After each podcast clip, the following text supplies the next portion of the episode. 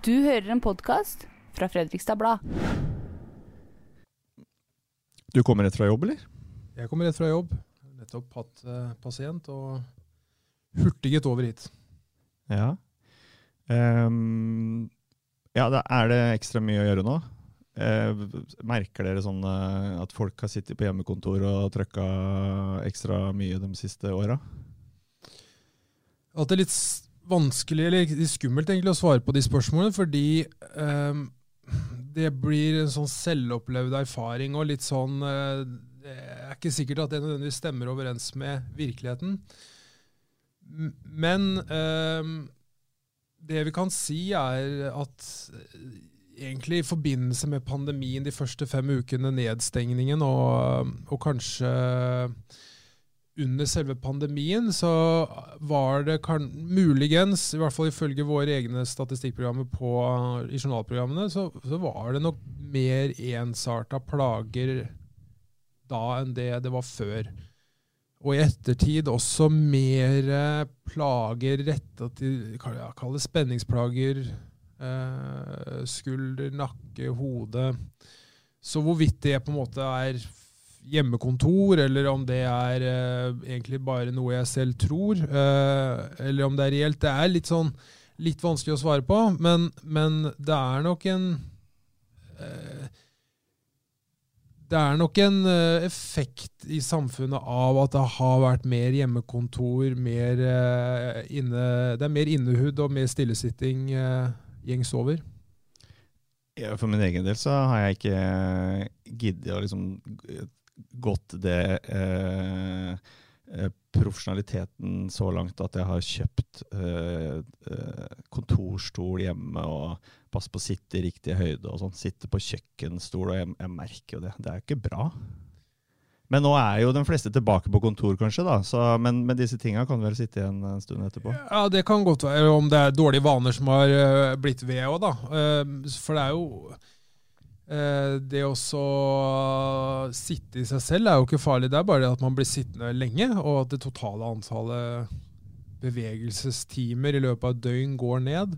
Eh, Hvis, hvis du har hjemmekontor, så får du ikke de 2000 skrittene til og fra jobb engang. ikke sant? Du, du minimerer altså de totale Det blir fra, det blir fra arbeidsplassen på kjøkkenbordet til kjøleskapet, liksom.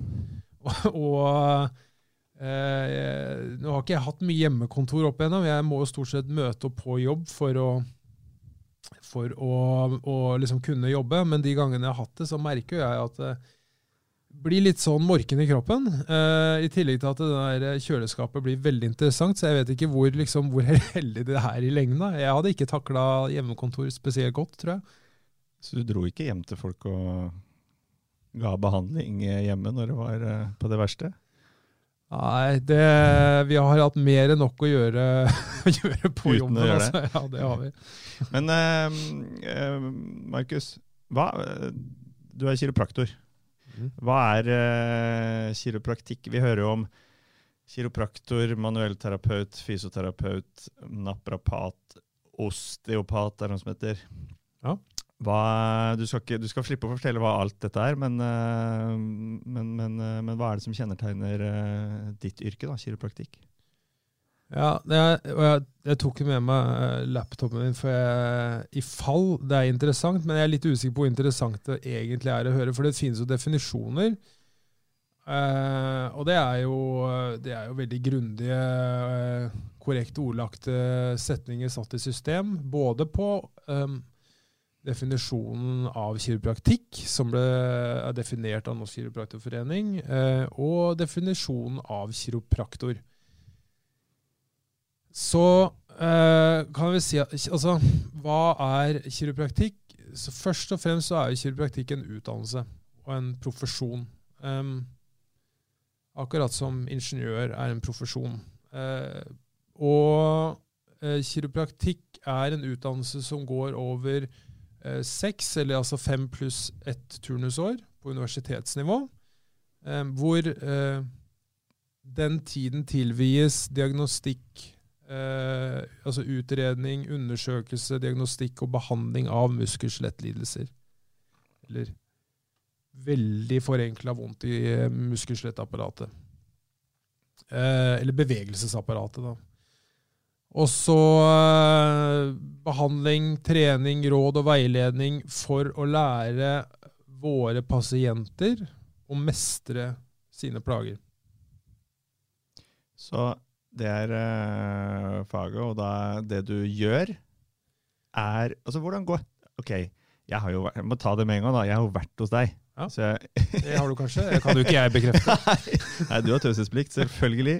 Så, men la oss si da at jeg hadde vært hos deg. Så hadde jeg jo hatt litt erfaring med altså, og Jeg må jo si jeg har vært hos fysioterapeut, og jeg har vært hos naprapat, og jeg har vært hos uh, kiropraktor. Mm. Fordi jeg er en 50, etter hvert 52 år gammel mann som uh, aldri har uh, trent noe særlig, og som uh, ja, ikke er noe mindre utsatt enn andre for uh, f.eks. vondt i rygg. da. Um, det, var, det en Jeg husker ikke om det var deg, og det kan du selvfølgelig ikke bekrefte om det var, men det var en eh, jeg spurte en gang eh, faen, hvorfor får jeg liksom disse plagene om og om igjen. Og da sa han at eh, hva, skyldes det, at jeg får de plagene? Og da sa han at det er livet, det. Men eh, når eh, jeg da, eller en annen eh, krank person med vondt, gjerne i rygg, eh, nakke, eller ja, er vel typisk det, kommer til deg, hva gjør du da? Altså Først og fremst så tar vi dem imot. Hilser pent på dem og tar dem inn. Um, og um, vi um, Det første man gjør, og det, det gjelder jo ikke bare oss kiropraktorer, men det gjelder jo helsepersonell generelt når vi skal om det er fastlegen eller spesialist eller hva du går til, så, så er det jo en, man tar en anamnese, og det er jo på en måte pasientens fortelling om sin egen eh, tilstand. Eh, hvor de har vondt, hva som har skjedd, hvor lenge de har hatt vondt, eh, hva slags type karakter smerten har, eh, osv. Og så kan det også være at vi stiller oppfølgingsspørsmål i forhold til yrke. Eh, aktivitetsnivå, andre bakforliggende sykdommer, medisinering, operasjoner osv. For å skape oss et bilde av eh, hva som er problemet. Um, og i, i løpet av en sånn anamnese som, eh, som det, så er det jo ofte at man Eller da skal man jo i utgangspunktet ha det man kaller for eh, en eh, sånn differensialdiagnoseliste. da. Dvs. det vil si altså at du har en liste med mulige diagnoser for pasientens problem. Det kan være en liste på fem-ti, opp til det, altså med, med forskjellige muligheter her. sånn. Og så, men da må du jo da eh, følge opp dette her med å gjøre en undersøkelse som eh, forhåpentligvis da skal korte ned på, på denne listen med potensielle diagnoser. Og kanskje er du heldig nok, så sitter du igjen med én eller to stykker, og så kan du igangsette behandling. Og noen ganger så kan du ikke gjøre det, og du, har, du er fortsatt ikke helt sikker på hva det er. Og da kan det være at du må ta ytterligere undersøkelser som eh, bildediagnostikk, f.eks. Ja, altså MR, røntgen MR, røntgen, CT, ultralyd. Eh, jeg gjør ultralyddiagnostikk nå, så da kan jo jeg gjøre det med en gang. Men de aller, eh, alle de andre undersøkelsene er noe jeg må henvise ut av klinikken for å få gjort. Eventuelt noen ganger så er det jo sammen, eh, samarbeid med fastlege. Foreslå kanskje blodprøver eller, eller andre, andre undersøkelser som fastleger eller legespesialister også kan bidra med. Behandlinga, hva består den i? Ja, Det kommer jo helt an på hva som er problemet. Eh, For eksempel. Ja, eh, Du nevnte jo eh, korsrygg i stad, tror jeg. Ja, jeg nevnte rygg. eh, Rygg, ja. ja. Mm. Eh, og det er, det er jo det vi eh, ser mest. Det er det som eh, plager flest og koster mest, som man sier. Um, og um, en, en korsryggsbehandling kan jo være um, alt fra eh, Altså, det kommer jo an på liksom, er, det, er dette her en, eh, en massiv prolaps med, med Ishas avtrykk, så, eller affeksjon, eller hvor det trykker mot ischiasnerven som går ned i beinet, så, så har man jo eh, måter å håndtere de på, hvor det går liksom mer på sånn strekke- og bevegelsesteknikker, og så har du eh, mer den der helt ukompliserte kinken, som, eller akutte korsryggen eller lumbagoen, som, eh, som de aller fleste blir kjent med igjen eller flere ganger i løpet av livet. Så kan det være leddmanipulasjon, eh, triggerpunktsbehandling, massasje, strekk, øvelser. Men kanskje aller mest, eh, når jeg tar fram de to der, da, så, så handler det også om eh, kommunikasjon med pasienten. Det er vel noe av det viktigste vi gjør. Kommuni- kommunisere, ufarliggjøre, eh, gi de en eh, Gi de øvelser som de kan få til, eh, og som, eh, som gjør at de kan håndtere smertene sine best mulig i hverdagen. Da. Når du nevner det, så har jeg en, eh, en eh, egenopplevd erfaring hos en behandler. kan ha vært deg, kan ha vært en annen. Mhm. Og da jeg, tror jeg jeg var litt sånn lei. Jeg hadde hatt um, um, mye plager en stund. Uh, nå er det bank i bordet. Lenge siden. Lenge siden jeg har hatt øh, behov for å gå for behandling. Ja, bra det. Eller si jeg lever med at det er vondt. da. At det går greit, liksom. Våkner ja. vondt, og så går det bra gjennom dagen. Ja, det blir litt sånn. Men mm, det som, øh, som skjedde en gang, og som jeg la veldig merke til, var at øh, ja, jeg hadde sagt til behandleren at ah, det irriterte meg selv for at jeg ikke trener nok og ikke er liksom, flink og får vondt på nytt. og må gå for behandling osv. Og, så videre, og liksom, uh, følte, som, ga, sikkert ga uttrykk for at jeg følte meg som en eh, svak sjel. Uh, svak kropp, i hvert fall. Ja. Og da, på slutten av behandlinga, så sa da eh, denne personen Du har en sterk rygg, René. Ja. På en sånn eh, nesten Nå hørtes det ut som en prest, hørte jeg når jeg sa det. Det var kanskje litt sånn det ble sagt. da. Terapeutisk Ja, det var sagt, liksom. terapeutisk sagt. Og så tenkte jeg at det sier eh, han nå, fordi at han tenker at eh, jeg trenger å høre det. Eh, at jeg ikke skal liksom eh, mentalisere min egen eh, kropp eh, ned. Tror du det var det som var tanken? Ja, det tror jeg. Det er For hvis Jeg, i hvert fall det, Dette blir sånn selvopplevd greie, men også noe som på en måte Det prates jo liksom litt om i fagmiljøet, da. Men, og som ble lært bort tidligere. Eh, Muskel-skjelettsmerter eh, er noe som nok historisk sett har vært tillagt eh, veldig mye Altså at det har noe med eh, fysiske feil å gjøre. Eh, alt fra liksom et brukket bein til skive til, eh, til låsning til muskelspenning til muskelknuter. Altså det, og og skeivt bekken har blitt brukt tidligere. Beinlengdeforskjell. Um, og, og, ja, og, og flere ting, da. Uh, og, tillagt veldig mye sånn fysiske, forankringsbare saker, da. Problemet med, med slike forklaringer, eh, eller hovedproblemet, er jo at vi nå kanskje ser at det er ikke tilfellet. Men altså, det var jo greit på 40-, 50-, 60-, 70-, 80-, 90-tallet altså, å bruke disse kanskje. Men, men vi ser jo at uh, ettersom man lærer mer om uh, muskel- eller bevegelsesapparatet, så ser man at det er, det er ikke så enkelt som at det bare er noe fysisk. Og det du også helt sikkert har opplevd opp igjennom kulturelt, er jo at uh, man skal løfte riktig og være forsiktig med ryggen din, og uh, ikke bøy den, og ryggen er Altså, det er en del sånne ord, ordlegginger som blir brukt som på en måte gir et inntrykk av at ryggen er svak. Men uh, sannheten er altså hvis du ser på den strukturen som ryggsøylen er, med alle disse leddforbindelsene, skivene imellom, eh, leddbåndene rundt, muskulaturen rundt der igjen, så er det, er vanvittig robust struktur. da.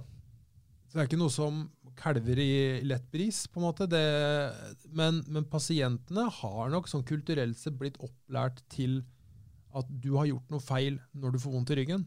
Det er din skyld, du har gjort noe feil, du har løfta feil, du har sovet altså det, det er ganske syke ting av og til. At du har sovet feil om natta, kommer de inn og be- bebreider seg for det, liksom. Skulle ikke ha sovet feil. Og sånn, hvordan, altså det er jo bare som Du kommer inn, og så du har levd normalt, og så har det gitt deg vondt i ryggen. og Det, liksom, det, det går jo egentlig ikke opp, da. I hodet mitt, i hvert fall. Uh, og, og da må vi på en måte prøve å, å, finne andre forklaringsmodeller eh, til det her. Og da er jo deler av forklaringsmodellene er jo at hvis I hvert fall at, at dette kan til en viss grad være eh, det vi, det, grunnet det man kaller for den biopsykososiale modellen. Altså hvor du har, eh, eh, du har, noe, du har noe kropp, eh, du har noe syke, og så har du noe omgivelser eller miljøet rundt deg. Og du sa du inne i stad også at det er livet? Når, når du har vondt.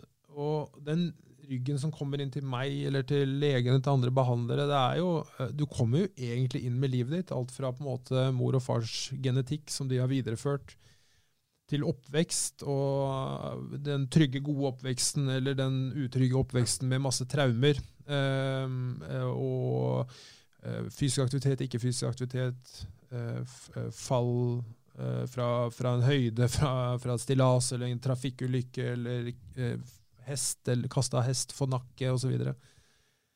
Eh, til eh, hva er det du jobber med, hvordan har du spist? Uh, og, og, hva tenker du om smerte i det hele tatt? Altså, har du et anstrengt forhold til smerte? Har du et lite anstrengt forhold til smerte? Og Det er liksom alle disse tingene, da, og det er det som gjør at det blir så vanskelig og komplekst uh, og frustrerende av og til. Men det er jo alle disse tingene her som både opp, gjør opp pasienten vår. Masse forståelse, masse syke. Eh, og så har du da et, Det letteste å forholde seg det er jo kroppen. Ja, det er stivt der, eller svakt der, eller sterkt der, osv. Så, videre. så kan du selvfølgelig gjøre noe med å modulere det, men det handler jo også om å gi pasienten Gjøre, gjøre, hjernen og hodet så robust, like robust som det du ønsker å gjøre i ryggen, da, for at de skal kunne takle dette her sånn. Ja, Dette er fascinerende. Eh, og så tenker jeg når jeg hører deg prate, så tenker jeg fordi at uh, jeg, jeg jeg googla det og fant ut at det er eh, 100 år siden i år, siden den første kiropraktoren eh, begynte å praktisere i Norge. Um, så du, gratulerer. Vet du hva han het? Nei, jeg vet ikke hva han het. Tipper han var Arthur Lund, mener jeg han het. Og ja. eh, jeg har en i foreningen, jeg sitter jo som styremedlem i Norsk kiropraktorforening, og generalsekretæren vår han er en sånn historiebøff. Jeg mener han fortalte meg at, uh, at uh, Arthur Lund han uh, studerte Jeg er ikke helt sikker, men jeg tror faktisk han fikk det studiet som et sånn um, stipendiat for innsats under krigen. Ja. Hm. Litt tall med klypesatt, men jeg tror det um, For det var i Palmer i Iowa. Han tok den utdannelsen. Det var liksom den første kiropraktorskolen da, som ble opprettet. Det stemmer jo tidsmessig, i hvert fall. Um, men jo, for det jeg skulle si da, at Eh, jeg gjetter jo at han eh, Lund han, Jeg tror ikke de snakka så mye om eh, det psykologiske aspektet ved muskel- og skjelettlidelser i, i 1918, da han begynte å studere, kanskje. Så det betyr jo at med det du forteller nå, da, så må det jo ha skjedd enormt mye med både sikkert utdanning, og, men også med ja, hvilken type kiropraktorer er som eh, Eller hva man driver med som kiropraktor. Hva, hvilken interesse man må ha for mennesket. Eh, er det mm. sånn? Eh, det har, det, du møter jo en helt annen kiropraktor nå, heldigvis, enn det du gjorde på den tiden. Det er jo en ganske lang og Eller det er kanskje ikke så lang, hvis du sammenligner med medisin, men det er i hvert fall en broket historie eh, kiropraktikkens historie generelt. Og det er jo selvfølgelig eh, der alt annet eh, kommer fra, så er det statene. Dette dukket opp eh, med en kar som het eh, Palmer til etternavn, og Palmer-familien som startet opp eh, denne utdannelsen. Og satt hadde liksom dette med eh, justeringer eller leddmanipulasjoner i system, eh, og eh, hadde vel en tanke om at den knekkinga som pasienten kaller, vi kaller for ledd, leddjustering eller leddmanipulasjon, er noe som kunne kurere veldig mye rart av sykdommer, og det aller meste der er vi ganske langt fra hverandre eh, fram til i dag. Eh, det går jo i takt med eh, forskning eh, og utdannelse og tverrfaglighet og, og kommunikasjon med andre osv. Så, videre, så, så vi eh, en, en kiropraktor som jobbet da eh, med å eh, skal vi si gjøre ryggen låsningsfri slik at nervene skulle kommunisere fritt rundt i kroppen. Eh, og det, gikk du dit da, så var det et knekk, og så var det greit. Eh, nå er jo dette her en helt annen idrett enn det det var da. Med hvor vi, nå er det jo Vi er autoriserte, vi har eh, sykemeldingsrett, henvisningsrett, vi har eh, refusjon fra Helfo. Um, vi har primærhelseansvar, eller primærkontaktansvar. Um, ved å, det vil jo si, litt som vi snakket om i stad, at du har jo ansvar for pasientens uh, utredning, diagnostikk og oppfølging av det. Um, noen ganger så er det at du finner dessverre eh, dumme ting du ikke vil finne, som du må viderehenvise, men det er jo ansvaret vårt å viderehenvise det til riktig instans og følge opp pasienten deretter. og så, som vi snakka også om, at det, vi, det er jo komplekse øh, altså Mennesket i seg selv og pasienter er jo komplekse dyr. Det er ikke, det er ikke bare vond rygg på venstre side nederst i korsryggen. Det kan være, det kan være angst, det kan være depresjoner, det er mer sånn tung psykisk materie som ikke vi driver og behandler, men som vi må i hvert fall anerkjenne eh, at, at eksisterer der, og ta hensyn til og eventuelt hjelpe de videre med det. Og som også er en del av eh, prognoser og recovery for pasienten. Så um, at, at, eh, at kiropraktikken har endret seg, det, det, har den. Og, det, og, og godt er det for det. Hvis ikke så, hvis ikke så hadde vi heller ikke gjort oss fortjent til de rettighetene vi har i samfunnet. Og samtidig så var det uh, for noen år siden uh, mye oppstyr rundt uh, et program på NRK, Folkeopplysningen, som tok opp kiropraktikk. og som satte et veldig kritisk lys på spesielt det at noen kiropraktorer mener seg da å kunne hjelpe til med eh, astma, ADHD ja. Mm. Eh, mange forskjellige ting som på en måte ikke ligger rett innunder det som, som, uh, som er muskel- og skjelettlidelser. Ja. hvordan opplevde du den, uh, den perioden? Ja, det var, uh, det var en litt sånn Det var litt ekkelt, da. Fordi du, det, det man på mange måter følte, var at de lagde et program som man ikke opplevde at handlet om, om deg. Det var ikke en virkelighet Og det vi snakka med kolleger, og det er, liksom, det er, en virkelighet veldig, veldig veldig mange av oss Jeg skal ikke begynne å gi antall, og sånn, det er helt umulig å si, men i hvert fall eh, over overveldende flertall ikke kjenner seg igjen i, som blir framstilt. Altså, altså, altså man ikke, altså at du vil ikke sagt til en pasient at uh, jeg kan hjelpe deg med astmaen din. Nei, det ville jeg ikke gjort. Heller ikke ADHD. Så, så det um, og, og, og, det ble jo liksom Du følte at det programmet i seg selv med han eh, Andreas Wahl det ble litt sånn reduksjonistisk og litt populistisk på mange måter i forhold til det å skulle gjøre litt sånn humoristisk poeng ut av det. Og så ser jo jeg at det er underholdning, men men om det var eh, på en måte en rettferdig fremstilling av det, det, det er jo kanskje greit at det blir satt på dagsorden, fordi det blir jo eh, liksom en, en Hvis en, eh, en, lege går utenfor liksom sine mandater, da, eh, driver med homopati, så, som jeg har vært borti noen leger som driver med, så, er det er jo greit at sånt blir satt på dagsorden. Er dette noe en lege skal drive med? Er det noe de på en måte burde drive med? Samme som skal vi behandle astma og ADHD? Så mener jo man nei, det er ikke noe Jeg gjør i hvert fall det. Det er ikke noe vi skal drive med.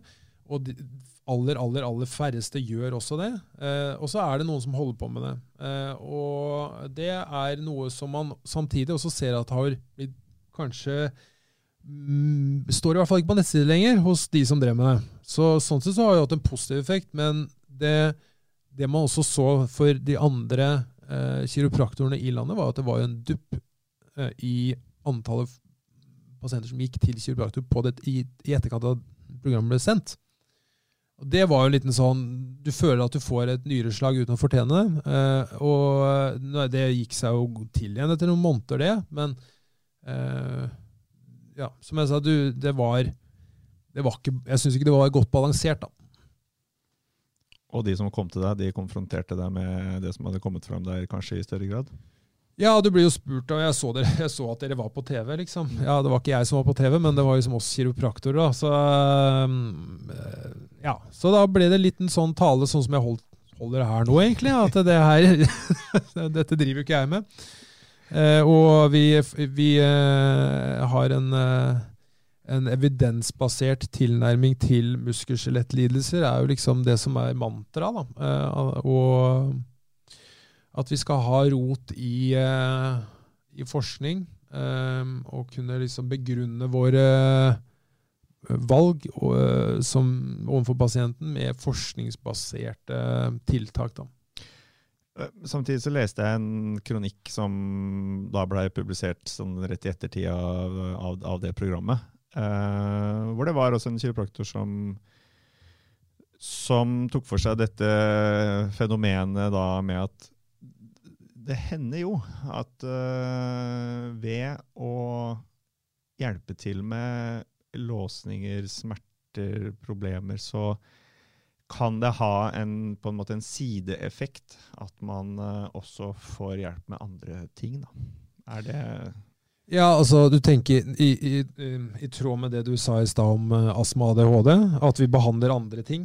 Det Nei, det var mer som en uh, slags Jeg tror det var definert som en sånn type Nærmest som en sånn bieffekt av at uh, man hadde noen plager som ja. ikke en kiropraktor liksom behandler, men som den kiropraktiske behandlinga også hjalp på. da. Så Jeg husker ikke detaljene i det. Men, Nei, men jeg, tror jeg, jeg, tror jeg, vet hva du mener, og dette har også blitt diskutert i, i, i fagmiljøet fordi eh, Eller egentlig sammen med de som, som hevder at vi kan De har Eller det fins de som hevder at de har sett ting i praksis, ikke sant, i sin, sin egen kliniske praksis. Men, men det, det, kommer litt an på hvordan du ser det. ikke sant? Er dette her at du eh, dytter du på dette leddet, og det knaker, og gir det eh, god eh, nervetilstrømning til levra di, på en måte, og så, og så, og så blir du, sykdommen i levra borte. Det er jo ikke tilfellet i det hele tatt.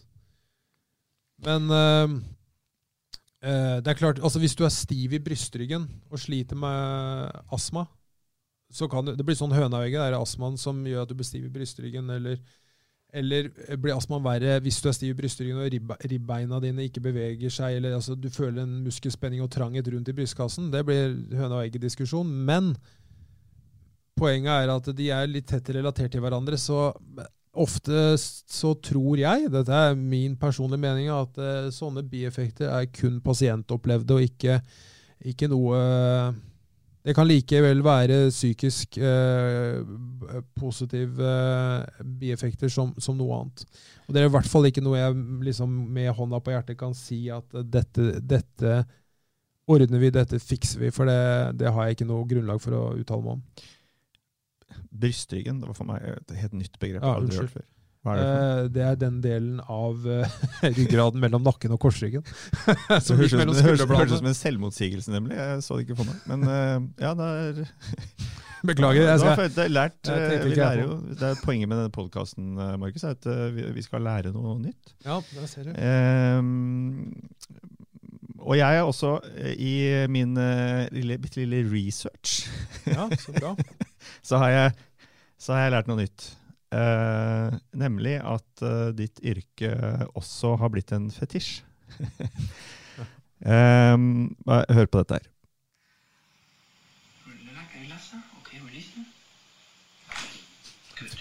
Welcome back to a new episode, crack addicts. If you love chiropractic adjustments and just can't get enough of them, make sure to subscribe for daily content. Dette er altså en uh, lege uh, på YouTube som har sånn to millioner følgere eller noe sånt. Ah, lege, og ikke kiropraktor? Ja, jo, jo. Sorry. ja, for det hadde vært litt deilig hvis ja. det var en lege og ikke en kiropraktor.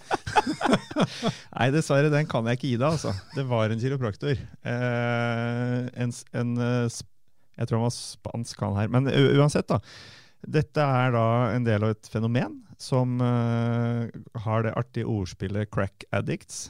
Uh, Dvs. Si folk som da elsker å høre lyden av denne knekkinga.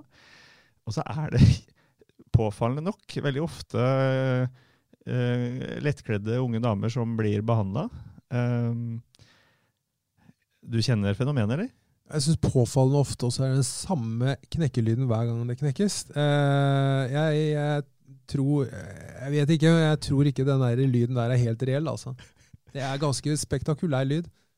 Ja, det, jeg, har, jeg, har, ikke hørt så mange, men jeg har hørt nok til at jeg uh, tenkte Og jeg, for min egen del, jeg syns, den, jeg syns det er litt ekkelt. For jeg føler at noe skal ryke når det skjer, når uh, en kiropraktor gjør det på meg. Uh, så for meg så gir den ikke noe glede å høre på. Men jeg har skjønt at det gjør det til veldig mange andre. Ja. Hva i all verden er dette for noe Uh, ja, jeg ikke sant, nå igjen så blir sånn, nå må jeg sitte og forsvare sånn som det, det greiene her. sånn. Og det er, Jeg syns det, det, er pinlig. Uh, det er, ja, Mulig han der var spanjol, men det er selvfølgelig et amerikansk fenomen. Uh, og det er jo ikke noe som liksom den, den, seriøse delen av fagmiljøet er spesielt happy for. Men de gutta som starta dette her sånn, spesielt du har sett de der folka som driver og drar folk dra pasientene sine etter, uh, liksom, etter sånn stropp rundt nakken. Jo, jo, det eh, så jeg, og det lurte jeg på hva var for noe. Ja, Trekk, vet du hva, det er, trekker den stroppen, og så, og så knekker det da. Drar liksom. dem jo halvveis over bordet, ikke sant? Du, det er jo liksom dame på 85 år med osteoporose. Du gjør ikke, du gjør ikke den manøveren der. Det ser ikke helt god ut. Uh, Nei, jeg vet ikke hva jeg skal si om det fenomenet, men, men i hvert fall uh, de, de, som, uh, de som starta med det, vet de er steinrike. Uh, en, altså, nummer én fordi folk kjøper liksom pakka, da, syns at dette ser bra ut, og oppsøker dem. Ja, og, jo, så er det jo abonnement, på, som ja. du betaler jo for å få tilgang til flere videoer. Og så, ja, ikke sant? Også, men rimelig drøy uh, overskridelse av uh, taushetsplikten, vil jeg jo påstå. Også hvis du ser, Alle får samme behandling. Det er jo ikke noe målretta behandling. Det, det, er jo bare sirkus. ikke sant? Så det er jo ikke noe jeg vil ha. Jeg vil helst ikke ha noe med det å gjøre, hvis det går an å slippe. ja, nå, nå, har du blitt konfrontert med det. Ja. Du har tatt avstand. Tydelig avstand. Det, det har vi fått med oss. Så det er ingen sjanse for at du, hvis det blir trange tider, eh, Markus, eh, lanserer en YouTube-kanal med, med, knekking? Jeg steller meg ned på torvet nedenfor her, vel, også med skilt og sånn kopp, kanskje. nei, nei det, det, hadde jeg ikke noe lyst til. Nei, Men for å ta knekkinga, da. Eh, som også var tema på til Folkeopplysningen-programmet. Mm. Hva er det for noe, egentlig? Det er uh, vi, som, som, jeg sa i stad, vi foretrekker å ikke kalle det knekking, for det høres jo litt dramatisk ut. Uh, det er uh, har jo en historisk betydning, i og med at det er, en, det er liksom noe på mange måter kiropraktorer har rendyrket opp igjennom som en, en måte, foretrukken behandlingsstrategi.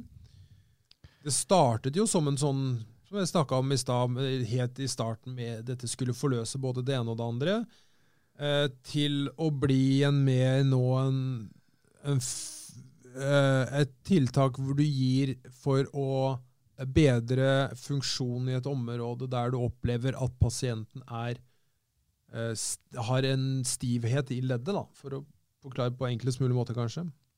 Hva, hva kommer den lyden fra? Lyden kommer fra eh, vakuum i leddet. Eh, og det er vel noe sånn som at eh, Er det, er det leddvæske som blir til gass, som igjen blir gjort om til leddvæske, tror jeg. Og det, det, er den omdannelsen som er lyden du hører. Eh, selve justeringen, leddmanipulasjonen, gjøres ved å ta leddet dit du, du opplever at det ikke har lyst til å bevege seg, så langt hele tiden og ikke lyst til å bevege seg lenger. Og da er det først eh, kartlagt til å være mindre enn det det burde bevege seg. Så du tar den til ytterpunktet der og gir det et raskt, men, eh, raskt dytt, eh, men med en liten dybde, for å få en strekk i liten, vel å merke, strekk i leddkapselen. og i leddkapselen så sitter det noen nerveendinger som vil kunne virke avspennende på um, Ja, nå falt jeg ut i det, for å justere Jeg, jeg måtte mikrofonen. justere mikken. Det Jeg tror er- i hvert fall Poenget med Jeg falt litt ut av forklaringen der. Ja. Men, men poenget med, med, med justeringen er at den skal, øh, den eh, skal kunne virke avspennende på områder rundt, da, spesielt muskulatur osv. Betyr det at det, det er det samme som når eh, man knekker fingre og sånn, f.eks.? Er det det nøyaktig det samme som skjer? Essensielt akkurat det samme som skjer.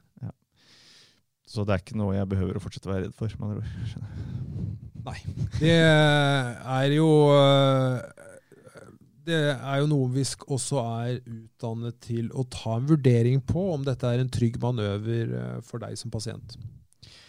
Og så har du sagt, eller du nevnte i stad ordet triggerpunkter, som jeg tror liksom mange som har gått til eh, en sånn type manuell behandling, har hørt om, og ikke minst kjent på. Eh, og jeg, eh, en ting jeg har lurt på, er hvordan Og dere er jo så ekstremt gode til å finne nøyaktig der det gjør aller vondest, og så klemme der. Ja. Uh, og det er vel ikke sadisme, regner jeg med. Uh, hvordan, eh, kan, det vet jeg ikke. Jeg kan ikke snakke for alle. Men hvordan finner dere um, altså, Ja, hvordan finner du det punktet? De punktene kan man sikkert snakke Det er omdiskuterte punkter for øvrig, men, eh, men det som da Det er jo sånn kjært barn av mange, da, men la oss kalle det triggerpunkter.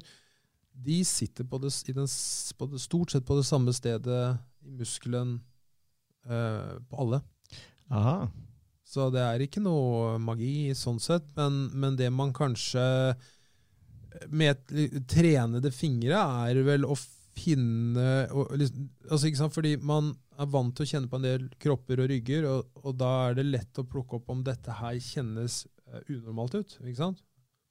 Hvis du har Altså, kjent på så og så mange normale kropper, så eh, Det er akkurat sånn når vi trente på, på utdannelseshuset, eh, røntgen, da, s- sitte på røntgen, så starter vi med å trene med å se på normale bilder helt uten sykdom på.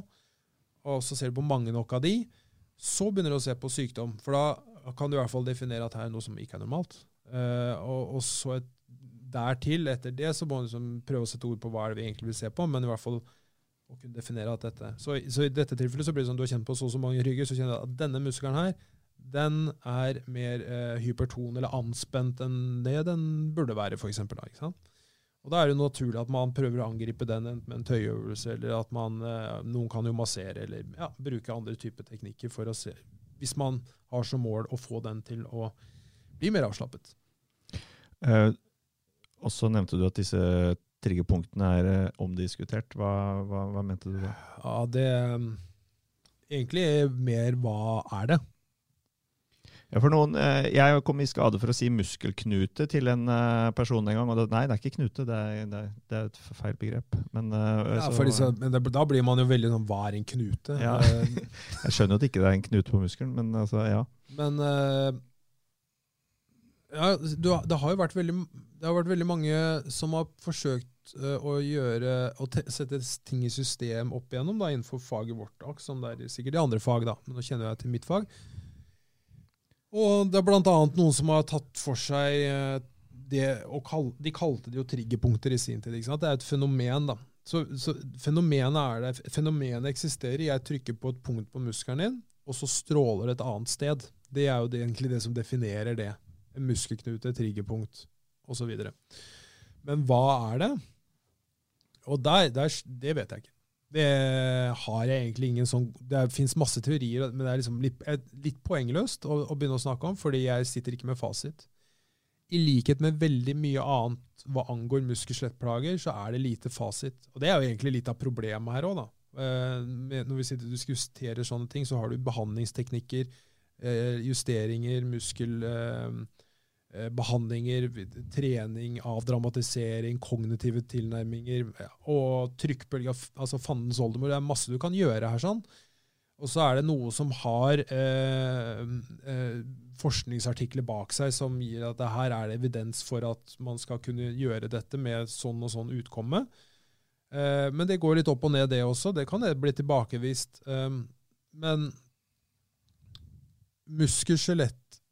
muskel-skjelettplager er sammen med psykisk helse det som plager flest og koster mest. Og gis minst ressurser.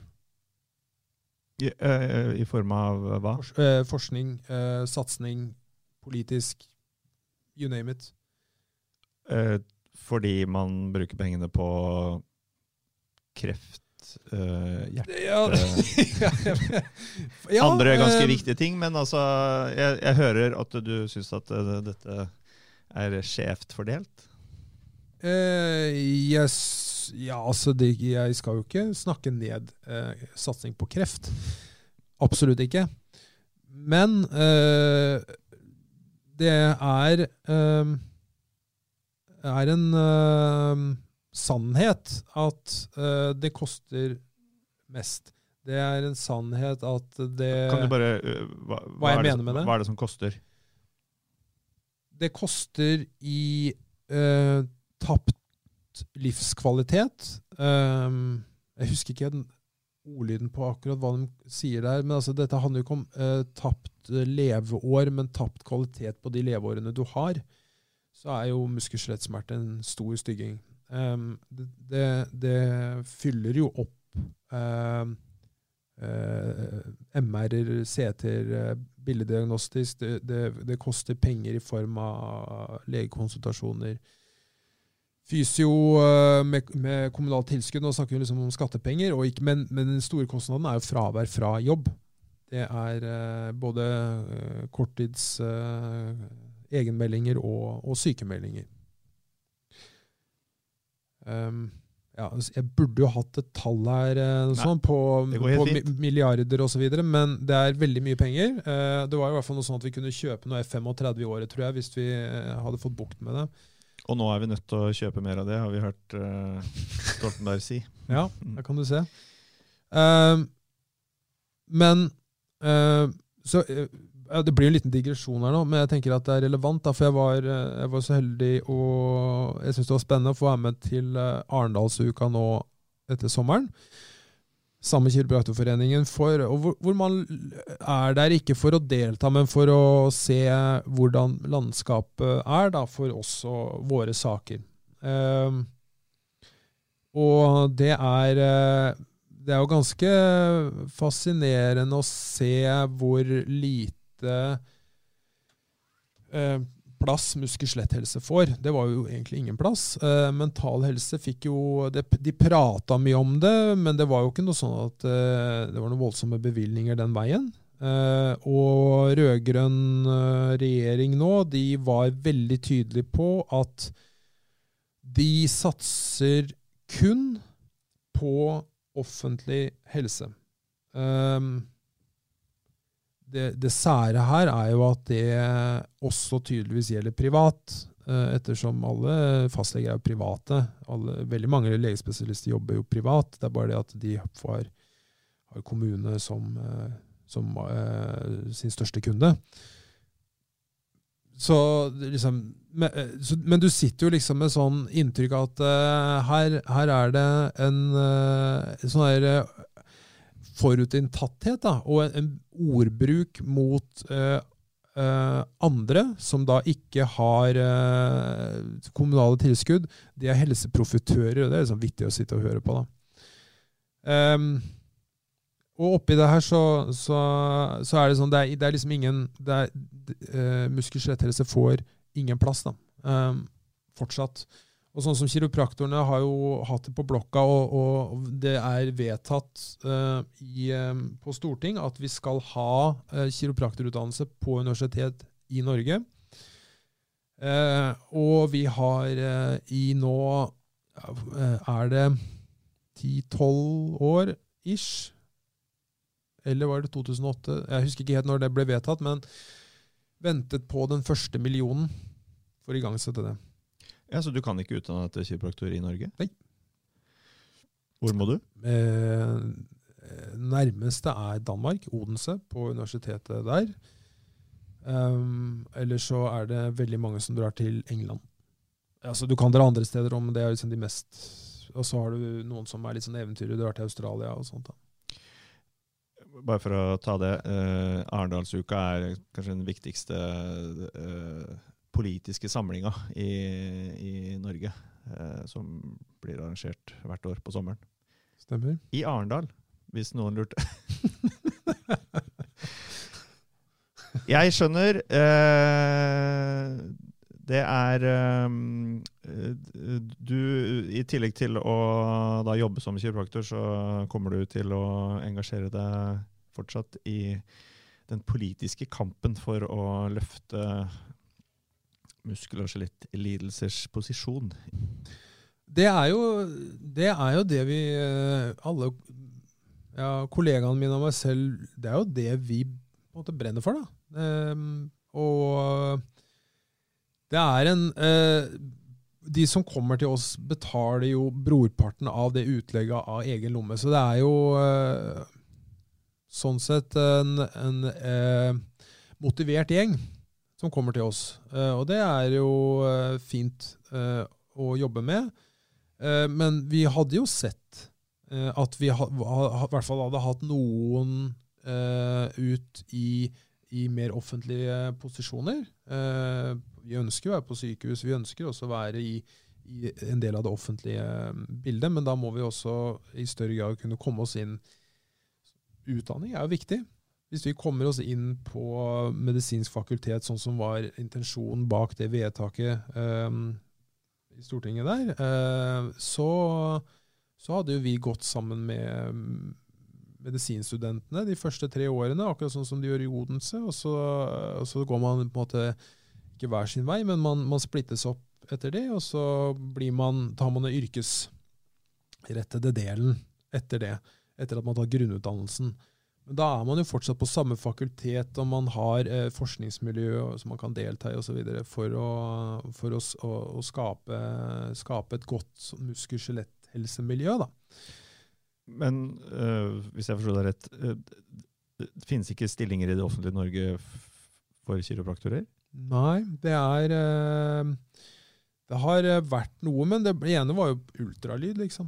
Så det er jo ikke kiropraktorrettet, sånn sett, med stilling i kiropraktor. Det har vært noen som eh, på Jeg har vel en stilling på Ullevål sykehus som, og Ahus, men det er, jo ikke, det er jo ikke gjengs. da. Det er mer sånn noe man kan få til på eh, hva kalles det, altså du, på prøveprosjekter og, og, og, sånn. Så det er vel én eller to stillinger som eksisterer, men det er jo ikke noe, det er jo ikke mye i den store og hele.